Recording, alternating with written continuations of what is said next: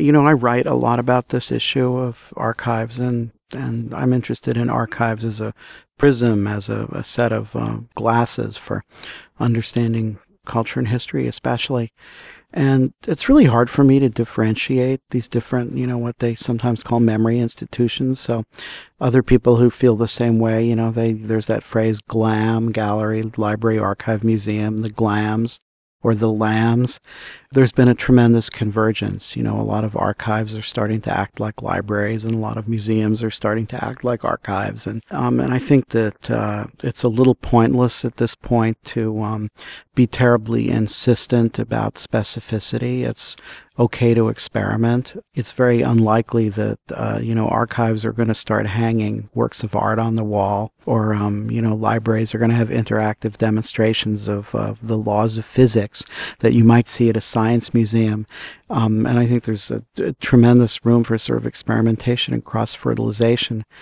There's different cultures in these different groups. Public libraries have a tremendous ethic of openness. University and research libraries don't necessarily, and archives certainly don't. Um, you know, you've heard me talk about moving image archives before. They don't have a culture of access. They don't have a culture of sharing. And sometimes it's for good reasons. Sometimes it's because they haven't thought about it.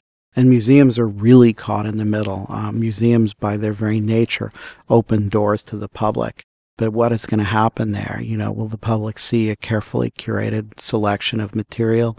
Does a museum heighten the value of its collection by enclosing it and hiding it for a few years and then bringing it back? What's interesting, I think, in the museum world is that there's a tremendous sense of experimental energy right now. And, you know, sometimes it's a little bit fetishistic. They're just trying to, you know, a museum may plant a vegetable garden because it's trendy. But there's real, you know, museums have experimented with DIY and maker culture.